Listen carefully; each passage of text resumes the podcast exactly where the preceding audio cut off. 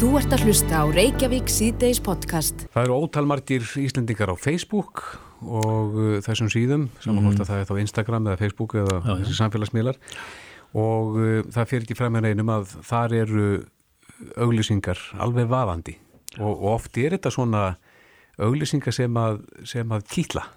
Þetta eru flottir hlutir oft Mhm. og þessar auglýsingar er náttúrulega sér sniðnar að hverjum einum. Já, sölu síður áttu. Þetta eru sölu síður, það sem einhverju hlutir eru til sölu. Já, já, já. Og ég lendi því fyrir nokkrum dögum Mhm. að uh, falla fyrir einnig svona auglýsingum. Mm. Já, nú er, nú er svo tíða nálgast mesta viðskipta tíð ásins Já, já, og þá akkurat. Er hérna... glittir við það í fallega muni. Já, já, og oft er þetta svona, þetta eru svona vandaði hlutir en ekki á mjög mikið pening, þannig að það freista líka. Nefna hvað, að ég hérna kaupi þennan hlut, Já. fyrir ykkur 54 dollara.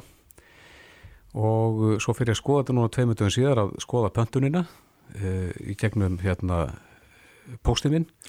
Og þegar ég smelli á skoða pöntun að þá á ég að fara inn á síðuna hjá þessa sölu síðu og geta síða svona samantektina. Nema hvað að það er búið að loka síðunni. Hún er horfin, Þú búin að vesla já já, og hún horfin. já ég reynda að borga því gegnum Paypal. Þannig að það er svona kannski veldur að opna þá ykkur á kröfu þar í gegn en, en ég fór að spá í þetta sko, það er náttúrulega spreð, það er ekkert mál að setja upp svona sölu síður Mm.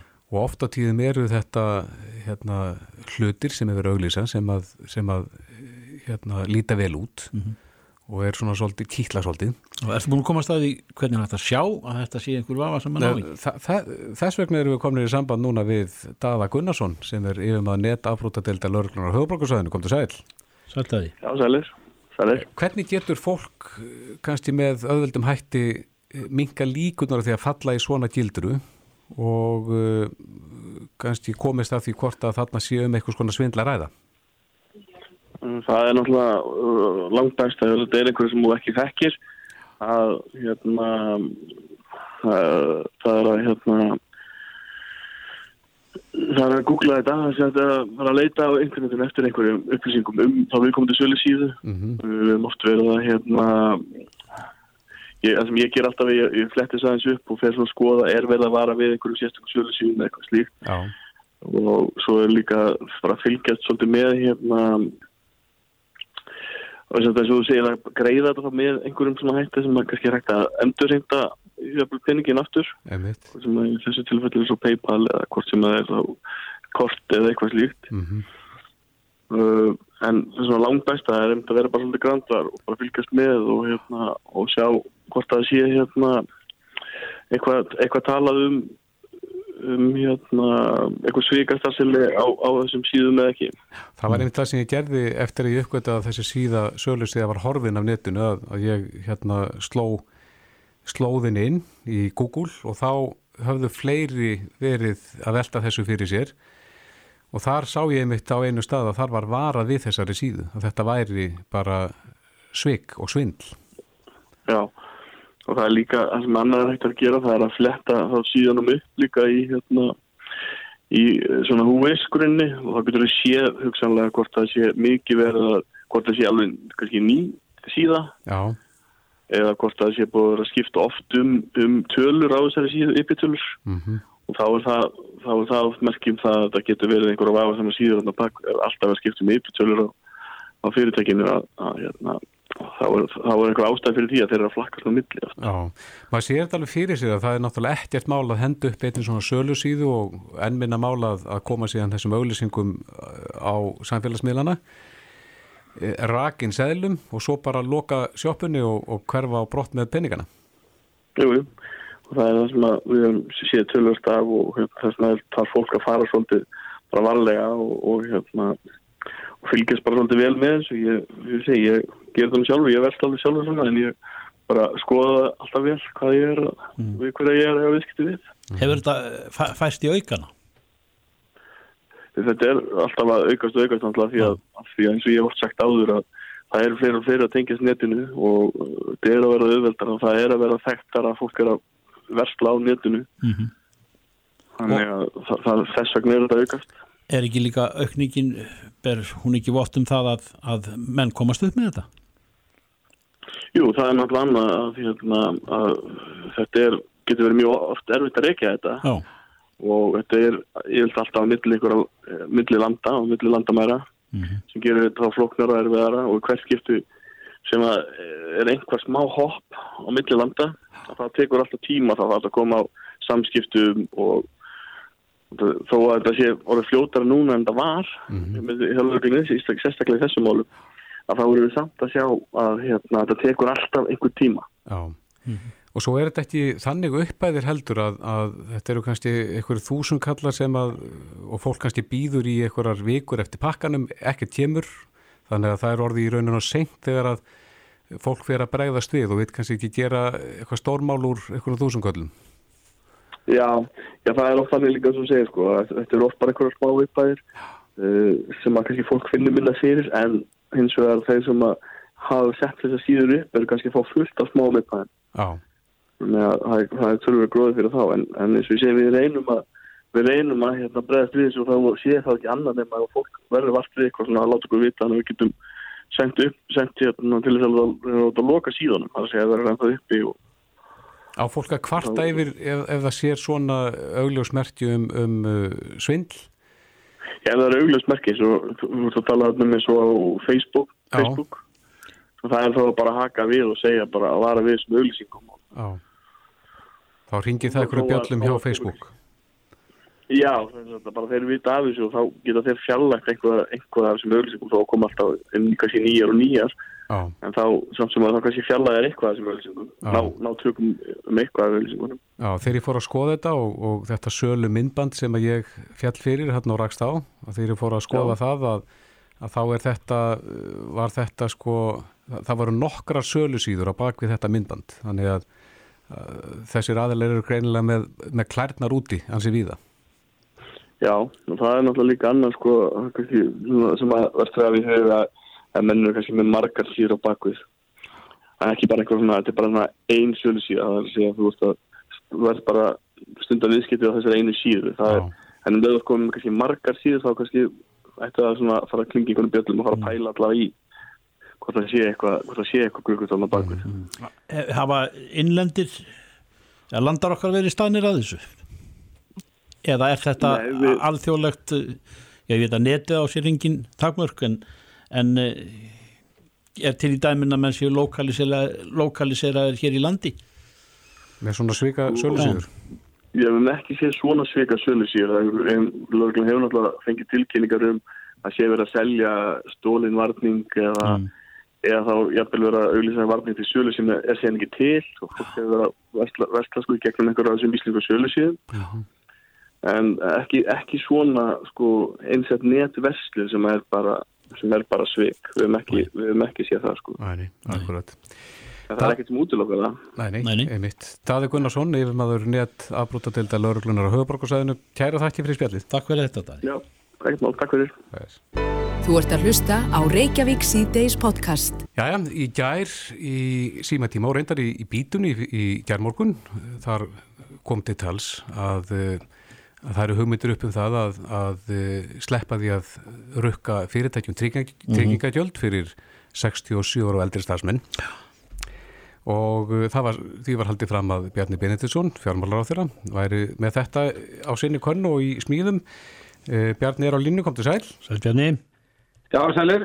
Já, e- ertu með þetta til skoðunar? Þar að segja að, að fyrirtæki þurfu ekki að greiða tryggingagjald af starfsmunni 67 ára og eldri? Já, ég átta mig ekki alveg á því hvaðan uh, það kemur að, að sé vinslu hjá mér í ráðanettinu. Ég hef nú meira verið að leggja bara almennt áherslu á að lækka tryggingjaldið. Mm En um, þetta væri þá einhvers konar ívilnandi regla ef að við myndum gera þetta til þess að hvetja uh, fyrirtæki til þess að ráða uh, til sín uh, fólk sem væri að koma á lífursaldur. Já, og um, það kemur alveg til álita við, uh, við, við þær aðstæður að, að það væri sagt, þörf á einhverju sérstöku átaki þar. Það sem við höfum kannski meira verið að glíma við uh, er um, svona fjármögnun réttinda þeirra sem að eru að koma þennan aldur og hafa ekki náða nýta nægilega vel starfsæfina til þess að byggja sér upp góð lífurséttindi og þeir hafa verið margir ósáttur við að geta ekki bjarga sér betur með hérna, vinnu eða öðrum tekjum til Mhm. þess að hérna, bæta afkomi sína án þess að það skertir réttindi til greiðsna úr almanntryggingum. Og uh, það hefur nú gengið að mínum mati vel að lifta undir með þessum hópi en við erum ekki að skoða þetta sérstaklega. Nei. Nei, en uh, annað sem ég veit að þú hefur verið að skoða og, og átt eftir að, að leggja fram í þingi er, er uh, breytt skipan erðafjárskatts sem er uh, mörgum, mörgum hugleikið. Felur það í sér lækkun erðafjárskatts eða breytingu sem að Já. felst í og þá hverju? Já, hvort ekki í raun og veru. Um, hugmyndin eins og hún var kynnt í samráðskáttinni og við höfum svo sem eftir að, að bregðast við allvarsendu þar og, og, og ræða mellir stjórnarflokkana. Hún gengur einfallega út á það að, að stíga aftur tilbaka nær í lagaumhverju sem var hér áður þar sem við vorum með lægri skattprósentu á erðarfjár skattinum og um, eins og menn kannski munna þá uh, var þetta til til að flóki gerfi hér áður fyrr og skattstofnin var ekki vel skilgrendur, það var til dæmis verið að nota nafnverði hlutabrifa sem er afskaplega vittlust að gera heldur þetta eiga minna verið að horfa á raunverulegu virði eignana sem að, eða skattstofsins Mhm. og uh, þannig að það var ráðist í mikla einföldum sín tíma að skattstofnin brekkaður og prósentan færnir í bara eina prósentu alveg óháð öllu öðru skildleika á þessum þáttum sem að, áður skiptum máli og var 5%. Síðan var skatturinn hækkaður hérna uh, eftir hrunið upp í 10% og til að hann gengur út á það að, að við búum til aftur 5% þrep en það fyrir eignir upp að einhverju tilteknu eigna marki og uh, það er kannski það einmitt sem að hérna, menn hafa ekki verið að tjása um eftir að máli var sett í samráðskátt. Uh, er það að tala um eignir að, að, að hvert virði þeirra eigna sem lenda í innan uh, 5% er það 50, Já, það- 70, Já, 80 í- í- eins og málið var lagt fram í samráðskáttinu þá var með við 75 miljónir mm.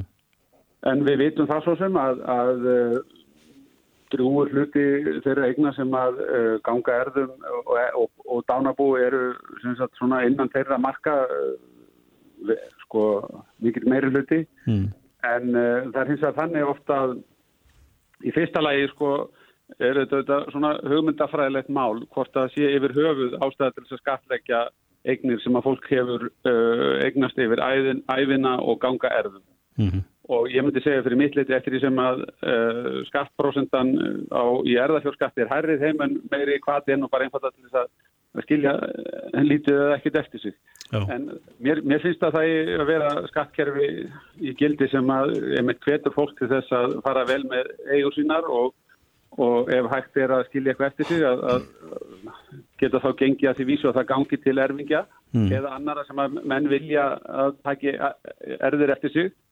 En eða taki, arf ætla að segja. En, en sem sagt uh, þannig út frá, því er þetta nú svona bara spurningum þennan skatti yfir höfuð. Og það má nefna að á sumum Norðurlandana er engin erðafjórskattur en, en að öðru leiti þá verðum við að, að, að, að leggja það bara til hér að það verði gefin, uh, gefið eftir í þessum skatti með nýju lægra trepi upp á 5%. Já. Uh, nýju lagri på 5% eh, þýðir það þá að, að eh, til að jafna þetta út að, að dýraregnir fara þá í herri flokk Já, ef að um er að ræða sko, sagt, að, að það gangi erðum uh, eignir sem fara umfram 75 Mm. miljónir eins og þetta var kynnt í samráðskáttinni að þá er hugmyndin svo að það færi þá í herri skattprósentuna það sem er umfram, það sem er umfram. Já, en, en hérna eins og ég sagði við erum að bregðast við um, aðtöðsendum og samráðskáttinni og erum eftir að ræða þetta í ríkistjórn en ég vonast til þess að koma þessu máli fyrir þingið núna fyrir jól. Já, og það getur vel verið að það tekja einhverjum breytingum, við skulum sjá hvernig það verður frá því að það var kynnt en uh, þetta er fyrir marga mikið réttlætismál og ég uh, var afskaplega ánægð með breytingunum sem var gerð á sín tíma þegar kerfið var einfaldað og tekin upp einn skattprósenta. En hérna erum við að, að stíga skreif tilbaka aðeins uh, með öðru fyrirkomulegi þar sem að það geti verið um tvö þrepa ræða. En það er kannski það sem þarf til þess að ná einhverju samstöðum málið vonandi. Rétt kannski aðeins í lókjan Bjarnar því ég veit úr tímaböndin eh, þið voru að semja, eða ríki var að semja við eh, meðal annars háskólamenta ríkistarsmenn og, og hluti að því eða í samningnum er hverðið á um stittri vinnudag, er það ekki rétt hjá mér? Það er rétt. Þý- Þýðir það þá að, að það verið dreigið úr þjónustu, það, það sem að mörg ríkisfyrirtæki núna loka fyrir allar aldir að margra mati, það er sem miðið vinnudegi, Eh, er verið að fara að draga enn frekar þá úr þjónustu við almenning? Nei, það er einmitt svona útgangspunktur í þessu öllu saman að, að okkur takist að, að hérna, gera þetta óskertir í þjónustu og það var fyrir nokkrum árum síðan sem ég skrifaði undir samstagsamning við BSB um að uh, láta reyna á það hvort við gætum gert þetta í, í svona tilrauna skinni uh, í ákveðnum stofnunum að, að hérna að stýtta vinnuvíkuna með ákveðinu útfærslu og, og, og það var auðvitað líkil atrið þeirri aðtugun að kanna hvernig afköstin myndu breytast og hvort þau myndu breytast. Mm síðan sáum við það gerast núna í lífskjara samningunum að það var unni með ákveðinu útfærslu í þessu og samtalið við óperu félagin hefur uh, meðal annars núist um mikinn áhuga stjættafélagana á því að, að finna leiðir til þess að stýtta hérna, viðveru tíma á vinnustad og þá koma allir hlutir undir inn í samtalið, kaffitímar, hátegislið og aðri slíki þættir og, og menn fara að skilgreina eitthvað sem að menn kalla virkan vinnutíma og við teljum að það tilhörni sem við höfum gert í þessu efni síni að það sé hægt að útfæra þetta, að það getur þurft að gera það eftir einstaka vinnustöðum þannig að framleiðin í kerfinu uh, mikið ekki. Nei, einmitt.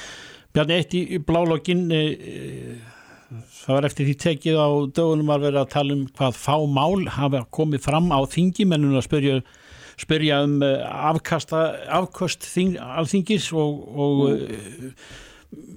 málafæð var ef við tö- tölum um framkomin mál væri, væri svona frekar ískikilega með það að þátt að gefa í árangusríkt þing framundan og, og mörg játn í eldinum hvað veldur? Er, er þetta orðið það störfum hlaðið þing að það kemur ekki málum áfram nema að litlu leiti?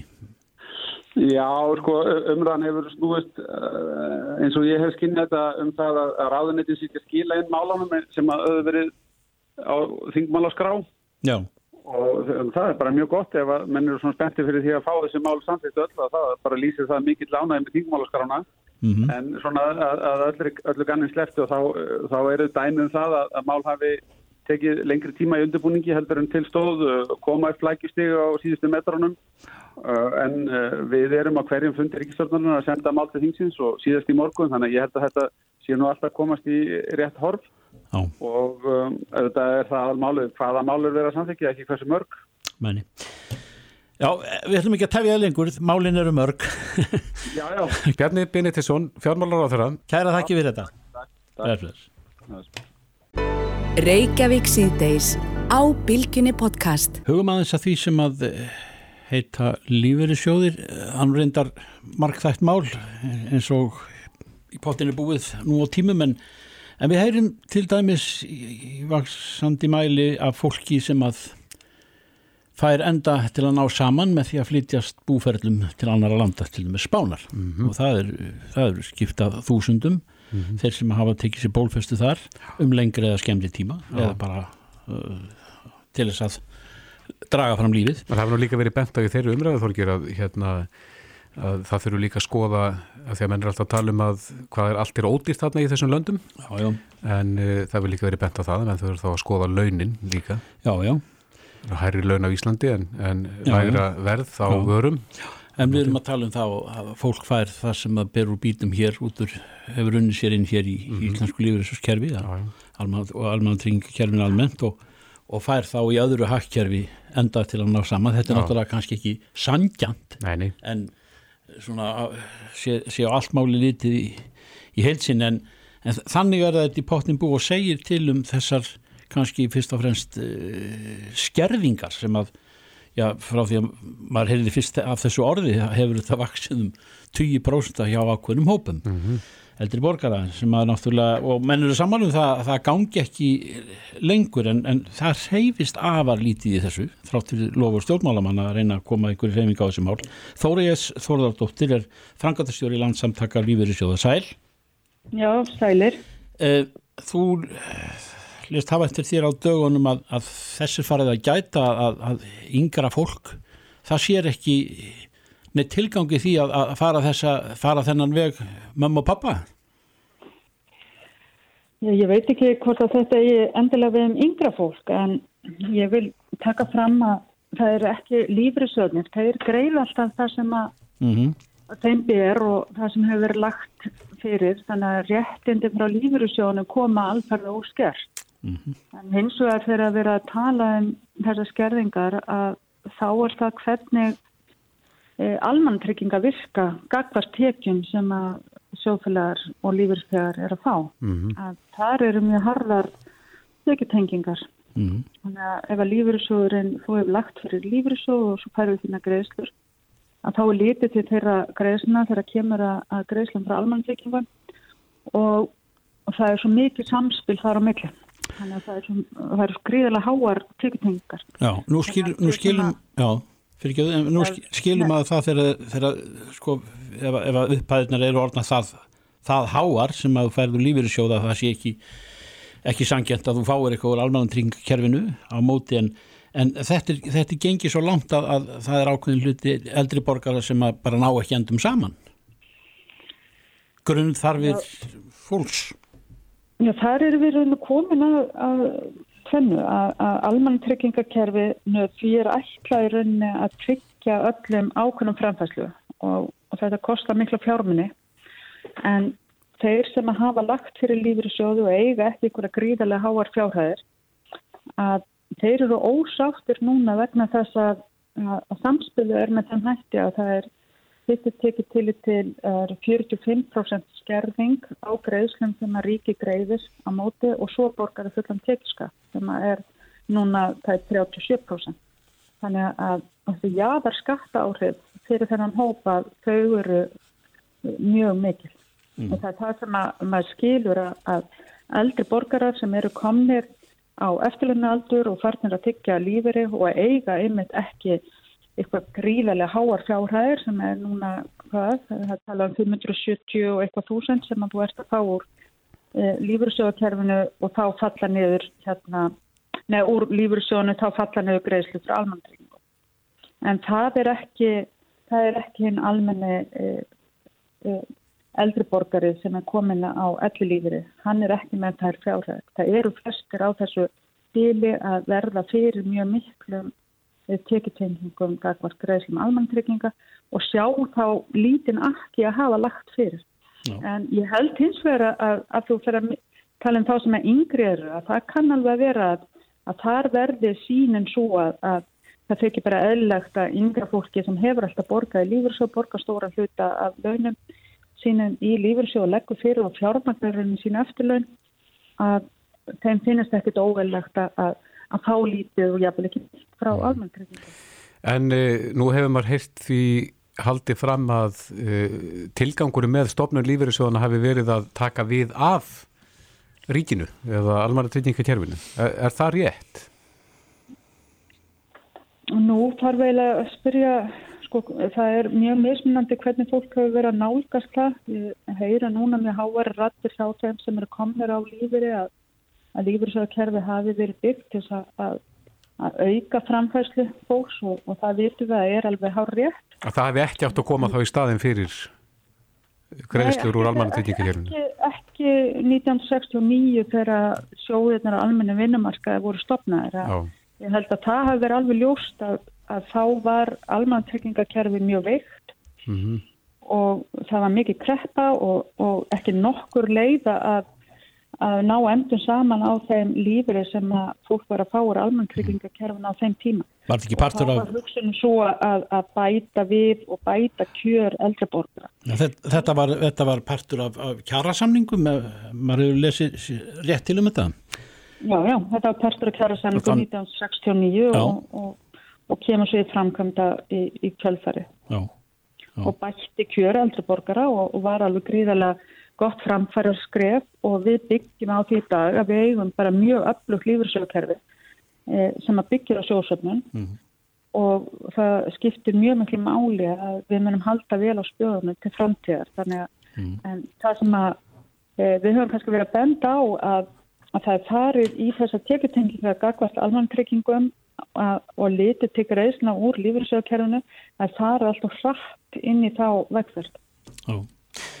En uh, byrtingamyndin eins og, eins og við gætum í uppafið þessar spjalds okkar, Þórei, eh, er, er þessi að uh, fólk flýr land? Nú þekki ég það ekki. Ég Nei, nei. hef nú aðalega verið að benda á bara hvernig e, þeir sem hafa unnið á Íslandi og hvernig eldreborgarar, hvernig staða þeirra er í dag og, og fyrir þá sem búa á Íslandi. En, en auðvitað vitum við það að, að framfleita sér er mismunandi eftir hvar þú byrði í já. og, fólk getur séð eitthvað ekki slíku en, en þá er líka spurningin hvaða fær frá almannkryggingum í, í slíkum tilvíkum en það er ekki eitthvað sem er sérst við lífursögkerfisins. Þú fær alltaf það eins og ég sagði upp að þú færð alltaf greiðslutnar og það sem þú lagði fyrir lífursög alveg sama hvað þú býður á nettinu. Já. Uh, Þórei uh, S. Þóradóttir, kærar þakki fyrir þetta. Við vonandi heyrum meira af þessu áður en að langt um líður. Já. Takk fyrir kærlega. Já, takk sem. Já, bless. Þetta er Reykjavík C-Days podcast. Jæja, Reykjavík síðdeis á bylginu. Við höfum nú verið í smá umræðu um orkudrykki og koffeindrykki, Já, oftar en einu sinni, oftar en tvisar. emitt. En, og það hefur reynda verið kallað eftir því að e, matalastofnun grípi í taumana vegna þess að neysla á þessum drykkjum hefur markvaldast hjá ungu fólki. Og okkur er sagt uh, koffin innihald upp fyrir leifileg mörg, það sé miklu fyrir að regla þetta um undantekning. Já. Dóra Gunnarsdóttir, fástöðumöður neytendavendar hjá matalastofnun, sati mitt málþing um uh, ungt fólk og orkudrykki í dag. Sæl Dóra. Sæl. Já, kom, komið sælir. Ef við streikum undir eh, það sem kom fram hjá ykkur í dag voru fjölmarki sem að tóku til máls en, en svona helstu niðurstöður. Já, það er alltaf rétt eins og að segja að Neyslan hefur aukist gríðarlega undanfærum tvö ár. Kanski vegna mjög öflúra markasetninga þeirra aðila sem að eru að uh, dreifa þessum drikkjum á markaði. Mm Eh, við veitum að það eru fyrirmyndir sem að eru að auglýsa á samfélagsmiðlum eh, fræða fólki okkar og fræða íþróttofólki okkar sem að reyna að hafa til ungs fólks um, um, um að þetta séu hollur og góður drikkir. En það sem að kom fram í dag er að koffín er, hefur mjög óæskilega áhrif á börn og ólinga og við höfum oft talað um það að börnin okkar svo ekki nóg og það kom klárlega fram í rannsóknum að koffin, það er samhengi milli neslu, miklu neslu á, á drikkjum sem minna alltaf koffin og, og lítil sveps. Já. Þannig að við þurfum að vera með skil skilaboð um það að koffin er ekki holdt fyrir ung börn og unglinga. Nei. Við meðum heldur ekki gleyma því að koffin er líka í öðrum drikkjum, öðrum matvælum en bara orkudrykkjum. Það er líka í kaffi eins og við vitum, te og sukulaði og, og kakodrykkjum. Þannig að þetta safnast allt saman saman. En börnin okkar koma kannski ekki úr rúmun á mótnana að setjast fram að fá sér kaffibotla. Það, er, það þykir ekki eðlilegt en, Nei, nei, það, en, en, en það getur að fengið sér uh, orkudrykk. já, En Dóra, ég, ég, ég þekki þetta á, á nákominni stúlkuð sem ég nákvæmlega ekki en, en e, það sem mér finnst vera e, tvent við það sem ég tek eftir og, og hún hefur átt við, eh, við ákveðin erfiðleika tjá, e, varandi svefn og varandi já, við skulum segja með aðteglisbrest og e eitthvað ámóta en e, það er aðgengið af þessum eh, drykkjum sem er, er alveg óheft að, að manni virðist eh, og, og, og magn eh, koffíns í, í drykkjónum er, er býstna hátt. Já, sko það það þannig að reglur er þannig að það má marka setja drikki sem innihaldur 320 mg per lítur án nokkuð sleiðis. Það er hægt að segja um leiði fyrir þá sem innihalda meira magt og maturstofnum hefur veitt þau leið að undargengna átumati með ákveðinu skilurðum um markasetningu. Það fyrir að merkja drikkina, þau eru ekki alluð að þau innhaldur mjög hátt koffinina, mikið magna koffin og það með ekki selja þau börnum undir átjónar aldri. Þannig og, og sá sem er að dreifa þessum vörum í Væslandir er ábruku fyrir því að koma þeim skilabóðum til smásalanum. Og hver fylgir sér með og... og... og svo er henni helbriðsætli reytið sem á að fylgjast með því, helbriðsætli sveitafélag að fylgjast með eftirlit og markaði. Er það gert? Þau, þau gera það að einhver leiti, já. Er, eru þið í... Einhver leiti, auðvitað eru þau náttúrulega ekki búið um hverjum degi, þau eru með mörgverkefni og fara kannski í stykkfröfu eftirlit, ég svo sem veit ekki hvað svo oft. Mm -hmm. En við höfum aðeins rætta með okkar hvort við ættum að fara í svona samilegt átasverkefni og leggja það til hefur þess líka. Já, en Dóra, nú hefur þetta komið fram í, í dag í máli margra sem að tóku til málsatna á þessu málþingi uh, og meðal annars uh, hefur afleiðingum þessara koffeindrykkju eða, eða koffeinislu verið líst á ungmenni. Uh -huh. Telur þú að það þurfa að gera meira með við það sem að þú heyrðir hætt í dag? Er, er nóg gert? Sko ég held að það sem er kannski mikilvægast við getum gert strax er að gera bara samfélagi meðvitað um að koffin hefur örfand áhrif. Og svo kannski við vitum öll sem erum á þessum fáum okkur kaffinbólana. En það er náttúrulega sérstaklega óæskilegt fyrir börn og unglinga og það skiptir máli að gera alla meðvitað um það. Það hefur verið töluverið umræð um þetta á síðastlinu tveimur árum en samt hefur neistlan markvaldast. Já, kannski ekki nóga að gerst. Mm. Ég held að við getum alveg gerst betur. Verðum með, það þarf virkilega að fara í sammeilegt átak á bara meðal þeirra sem er, eru já, skóla, fóröldrafélaga, uh, landlækni, smátulastofnar, íþróttafélagi, að, að hérna, samilegt átak um að þessu drikki sé það ekki aðgengilega á stöðum sem börn og unglingar eru. Það var meðalans komið inn á það í dag að helsaðablandi framhalskóli jafnvel að selja orkudrykki mm -hmm. sem er ekki, ekki gott. Men, en, en má men. selja ungmennum uh, þessa drykki? Sko það má, uh, eins og segja, undir, undir 320. Undir 320 þá það er ekkert sem að bannar það það stendur af vísu á umbúðum óæskilegt til börn mm -hmm. og það er spurning hvað er börn eh, en eh, það eru marga vestlanir sem hafa sett sér reglur um að selja ekki mm -hmm. börnum yngri en 15 ára 15 ára yngri -hmm. og það er einmitt það sem að líka held ég skipti máli eru svona hvað segja svona um, fyrirtæki bæði dreifingaræðlar og þeir sem eru að dreifa séu svolítið ábyrgir í sinni markasetningu. Mm. Er, það, er það fyrir ekki, er það niðurstaðan eftir málþingi í dag að það eina sem þurfa að gera er að auka vitundavakningu almennings? Auka vitundavakningu og fræslu, já, og líka það sem, man, það sem við sjáum í dag er að það er aukin neysla, mm.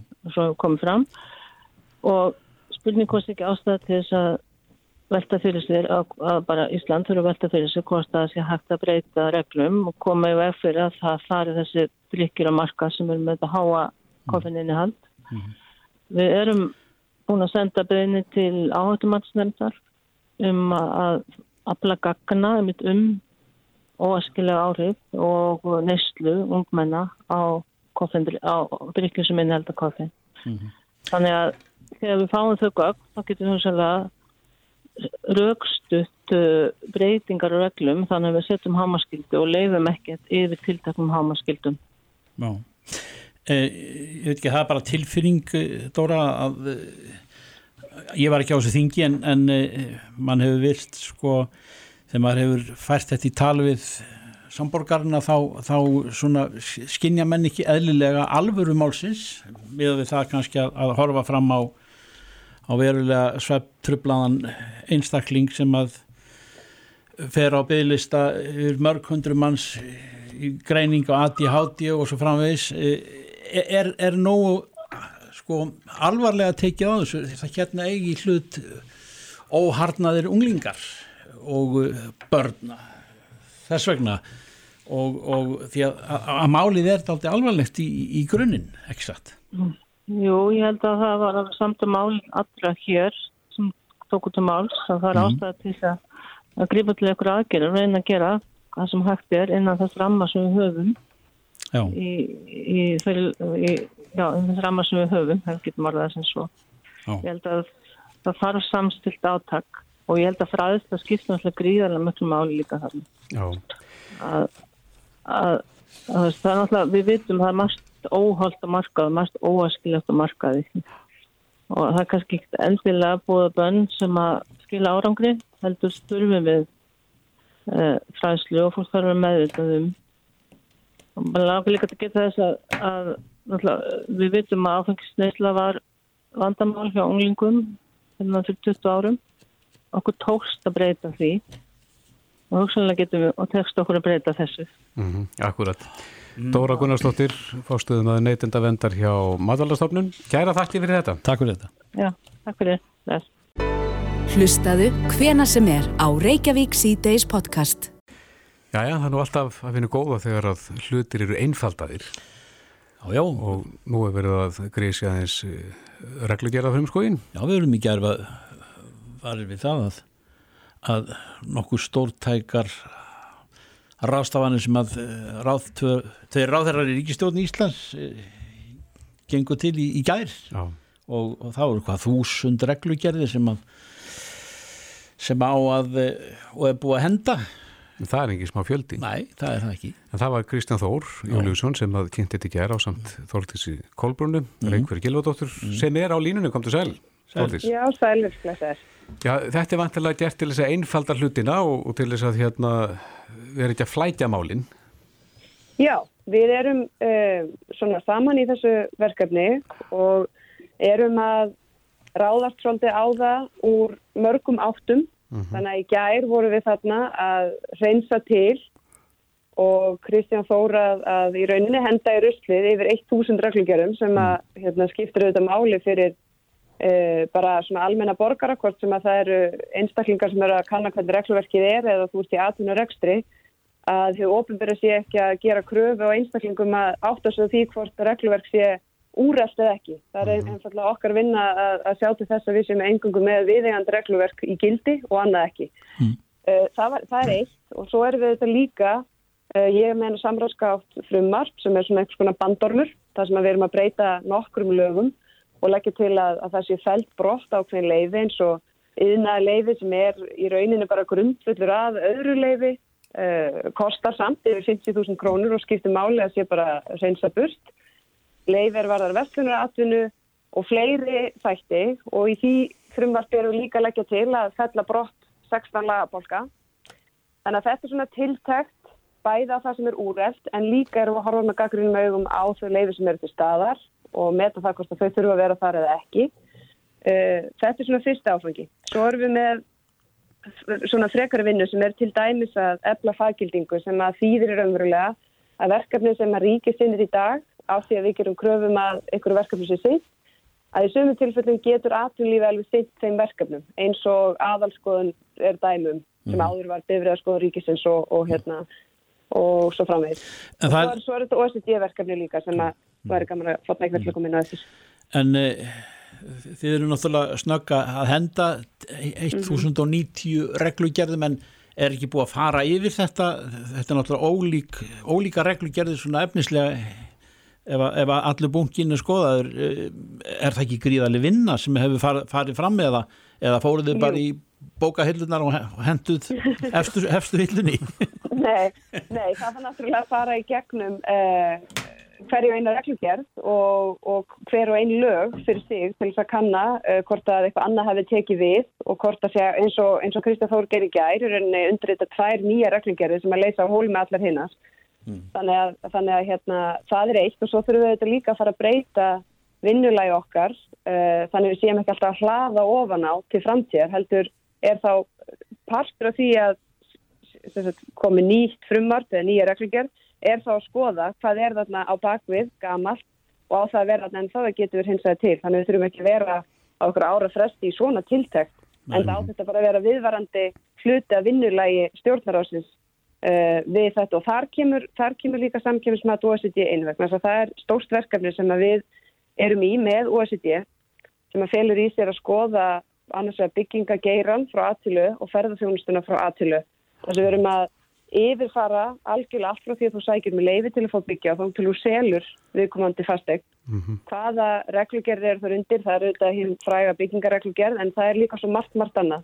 En er verið að, eru... fyrir ekki, er verið að fórna ykkur í staðin? Það er að segja, eh, af ykkurum ástæðum hafa þessa reglugerði verið settar? Mm -hmm.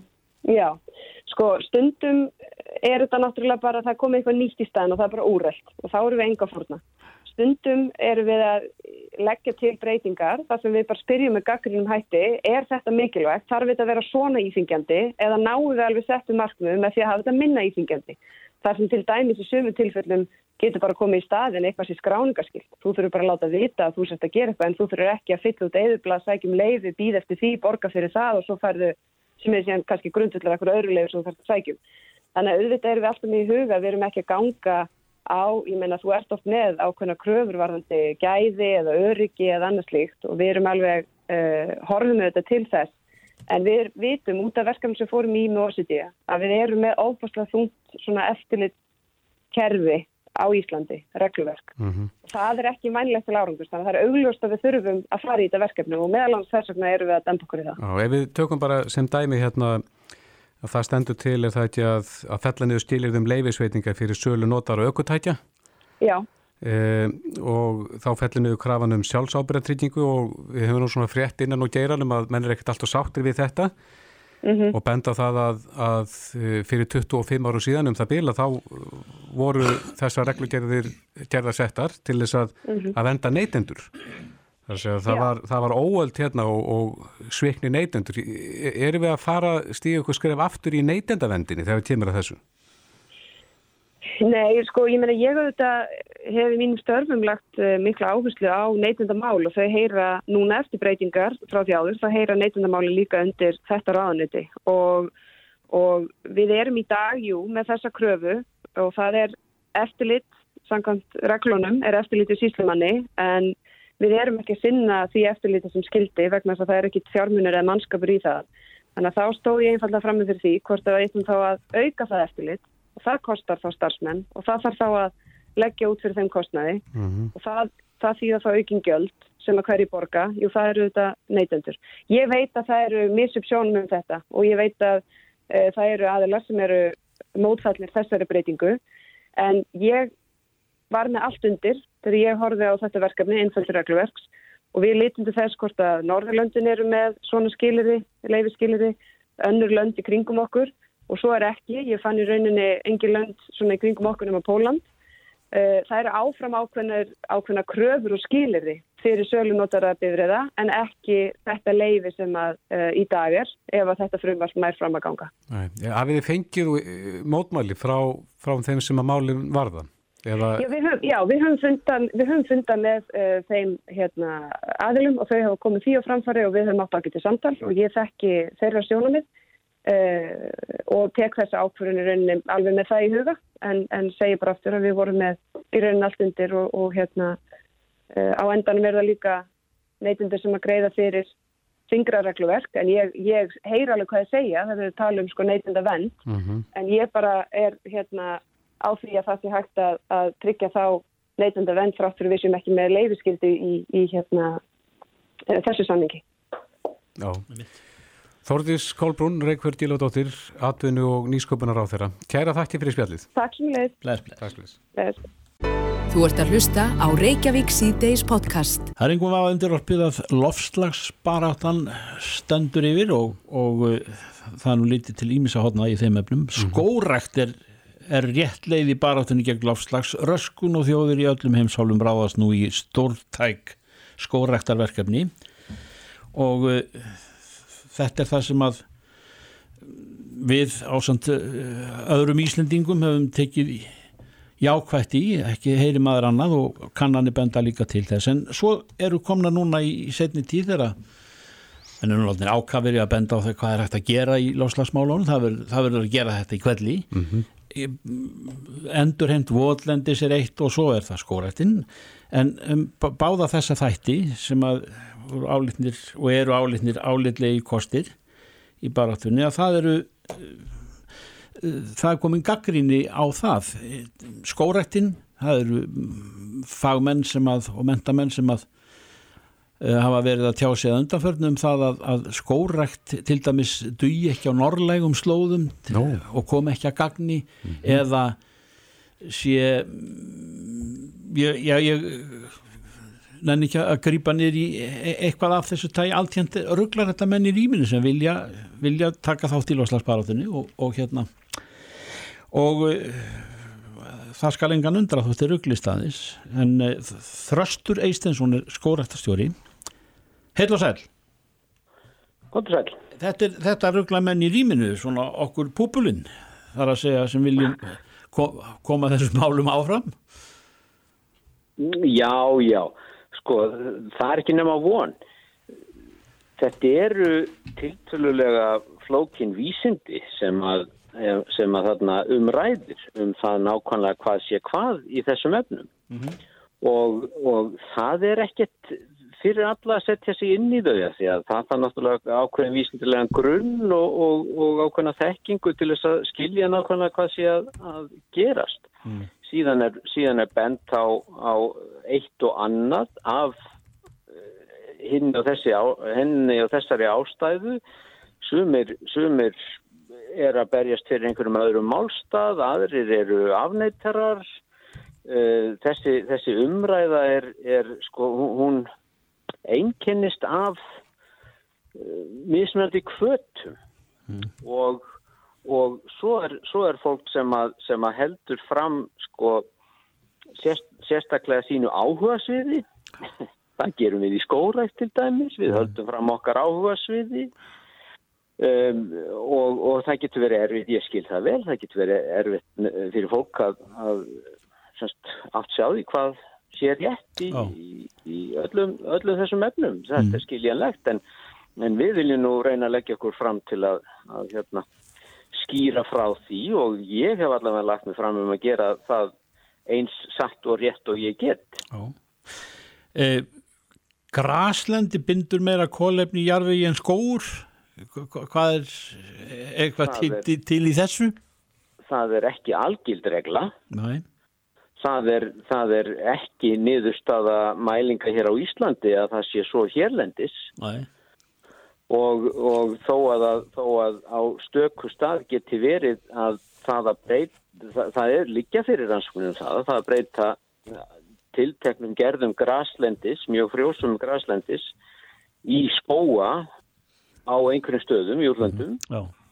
að það hafi leitt til uh, eh, kólefnisvíðnunar í jarðvegi ekki, ekki endilega í, í sko kerfinu í heild að því að trén binda líka en í jarðvegi, jú, jú, slíkar, slíkar niðurstöðu líka fyrir, en það er ekki almennareglan mm, en... almennareglan er höfug að það eikst kominsbyndi ekki jarðvegi líka En þetta með uh, skólendi á norrlægum slóðum? Sko þar er, þar er verið að tala um það að, að, að önnur áhrif skóræktar sem eru, eru svo kvöldu albítu áhrif, það er að segja endur, endur geyslun uh, sólageisla frá snjó Ná. sem að, að sko dökk, dökkt yfirbord dregur í sig hitta og einhver hittan álut yfirborðinu á meðan ljóst yfirbord uh, speiklar frá sér meira af sólageislum og, og, og hérna og veldur því að, að sólageislandi nýtast ekki til þess að hitta, hitta andrumsloftið niður jörðina. Mm -hmm. Þetta finna menn á eigin skinni að vetralagi þegar er allt býta snjó sko og, og hérna og, og að jafnaði á þessum stóru skórættarsvæð eða ekki skórættarsvæðum, þetta stóru skóarsvæðum barskóarsvæðum á, á norðurslóðum e, sagt, í, á meginlöndunum í meginlöndunum að þá, þá hérna fellur snjór og er snjór allan vetturinn og, og þar með þar sem er ekki skóur þar er kvítt yfirborð en þar sem er skóur þar er dekra yfirborð Þetta á við um, um sagt, stó, stóran hluta vetræns, líka bjarta hluta vetræns sem er, mm. er sko útmánuðinni. Já. Hér á Íslandi er ekki svo mikið snjóþekja nema þá aðalega á hálendinu og það er engi skór Mm. og þessi áhrif hér á Íslandi hafa verið mælt og það hefur komið fram að það er ekki þetta á mun síður við hér og reyndar á slóðum svona norð, norðarlega það sem er í raun og veru engin sól í, í hérna um háveturinn Nei. og bara fáir mánuður á ári þar sem að er sól og, og almenn snjóðvekja. Þetta eru margbreytileg fræði þröstur og, og, og, skal nú engan undra að þótt menn svona almenningur sem hefur ekki svona vísindalega einsýnin í málin sko staldri við þegar þeir heyra evaraddirnar skiluru sem eiga vissulega rétt á sér en, en, en, eh, en ef við stríkum undir sko, skórakt er um, er í hávegum höfð þegar það er verið að tala um lofslagsbarathuna og, og, og, og, og það er uppi plön hjá þér og, og skóraktar fólki hér í landi í nafni í, nafn, í þessu nafni og hérna það er ekkit láta því og ekkit sleiða í því Nei, nei, við, við höfum haldið því fram núna í 25 ár frá því að þessi, þessi hérna, umræða byrjaði að skórætt getur verið hluti af lausninni. Aukin, aukin þekja skóa á Íslandi getur verið hluti af lausninni. Já. Og er, við höldum því ennþá á þið, og, og menn, vísindamenn koma sér saman um, um, ja, sko, sko, taktikina. Það sem er verið að tala um eru, eru síðan aðrar afleðingar skórættar sem Já. eru vissulega, vissulega einhverjar sko. Já. Og, og til dæmis varðandi endurgeislununa sko, það þarf að bera hana saman við bindinguna sem hlýstar skórætt og, og gaggrín hefur aldrei falist í því að bera það saman sko. hvort er, hvort er meira tap af útgeislunni versus uh, ágóði af bindingunni sko. það, það, hefur, það kemur ekki fram í gaggrínni og það er eins með gaggrínni á, á aðra þætti, þætti skórættar eins og breytingar á landslægi og þess aftar sko. Er, er ásýnd lands sko á einhvern allstaðar mikilvægari, mikilvægara atriði heldur en sem er skórættar við að binda kólefni. Það verður að spyrja um það. Þröstur, við komumst ekki lengra að sinni en, en gott að heyri þér og, og, og líka það að, að skórættin heldur áfram sem eh, beitt vopni í lofslagsbaráttunni. Kæra þakki fyrir spjallir. Já, við berjumst fyrir því. Takk Já, blessaður.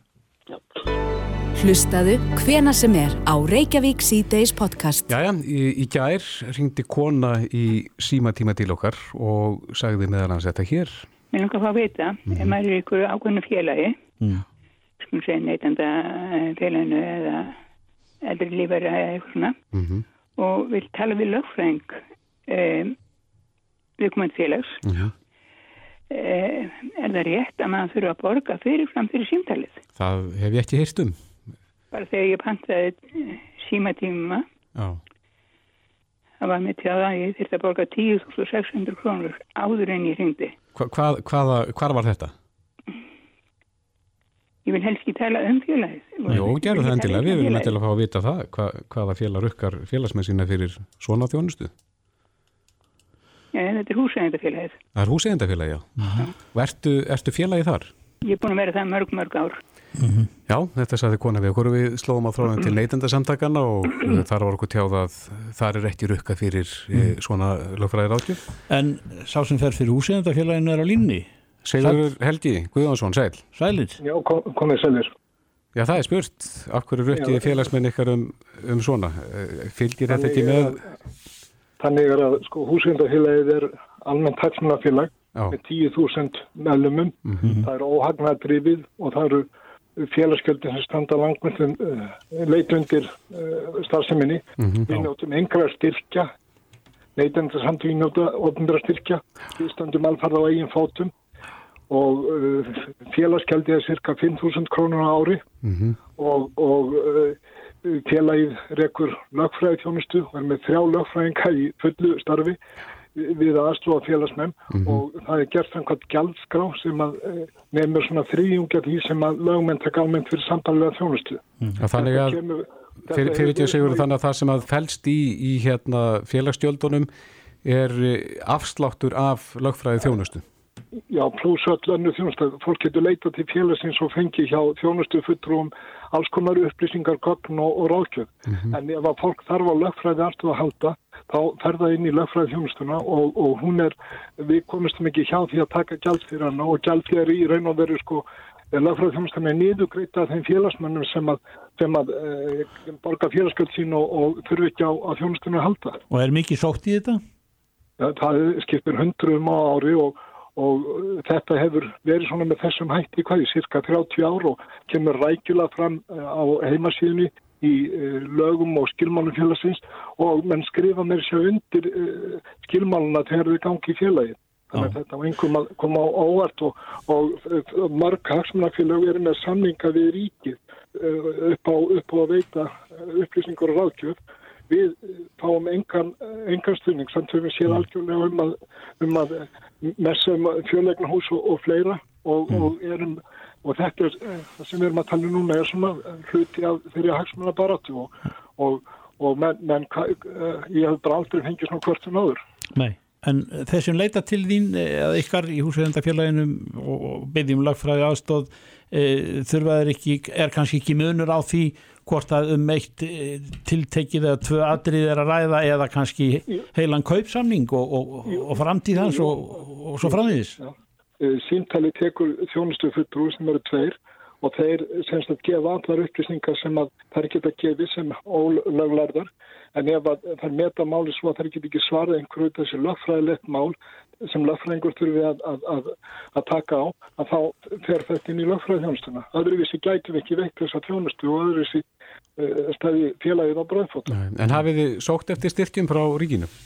Nei, það er sérstað okkar. Við, þetta er 100 ára gammalt félag og það voru aldrei tegi ríkistyrki eða styrki frá neinum. Mm. Þetta er alfarð á eigin fótum sjálfsvett og óháð mm. og, og við berjumst í, í hagsmuna barátu líka, við berjumst fyrir réttarbótum hvað, hvað var það lögum fastegnir og ná miklu áranga í því og það er það sem að félagstendur fyrst og næst fyrir. Já. Þessi þjónusta er, er þetta er líka húsfund og þjónusta við aðstæðum húsfjölu við að halda húsfundi við aðstæðum leigursalla og leigundur við að gera samninga og, og, og koma inn í ákveðinsmáli ef, ef, ef þau verða og einhverju verður að borga þetta. Það er ekki til sem heitir frýr lands. Já, Sigurður Helgi Guðjónsson formaður húsegandafélagsins og lögmaður. Kæra þakki fyrir þetta. Takk fyrir þetta Sigurður. Ja, takk samleis.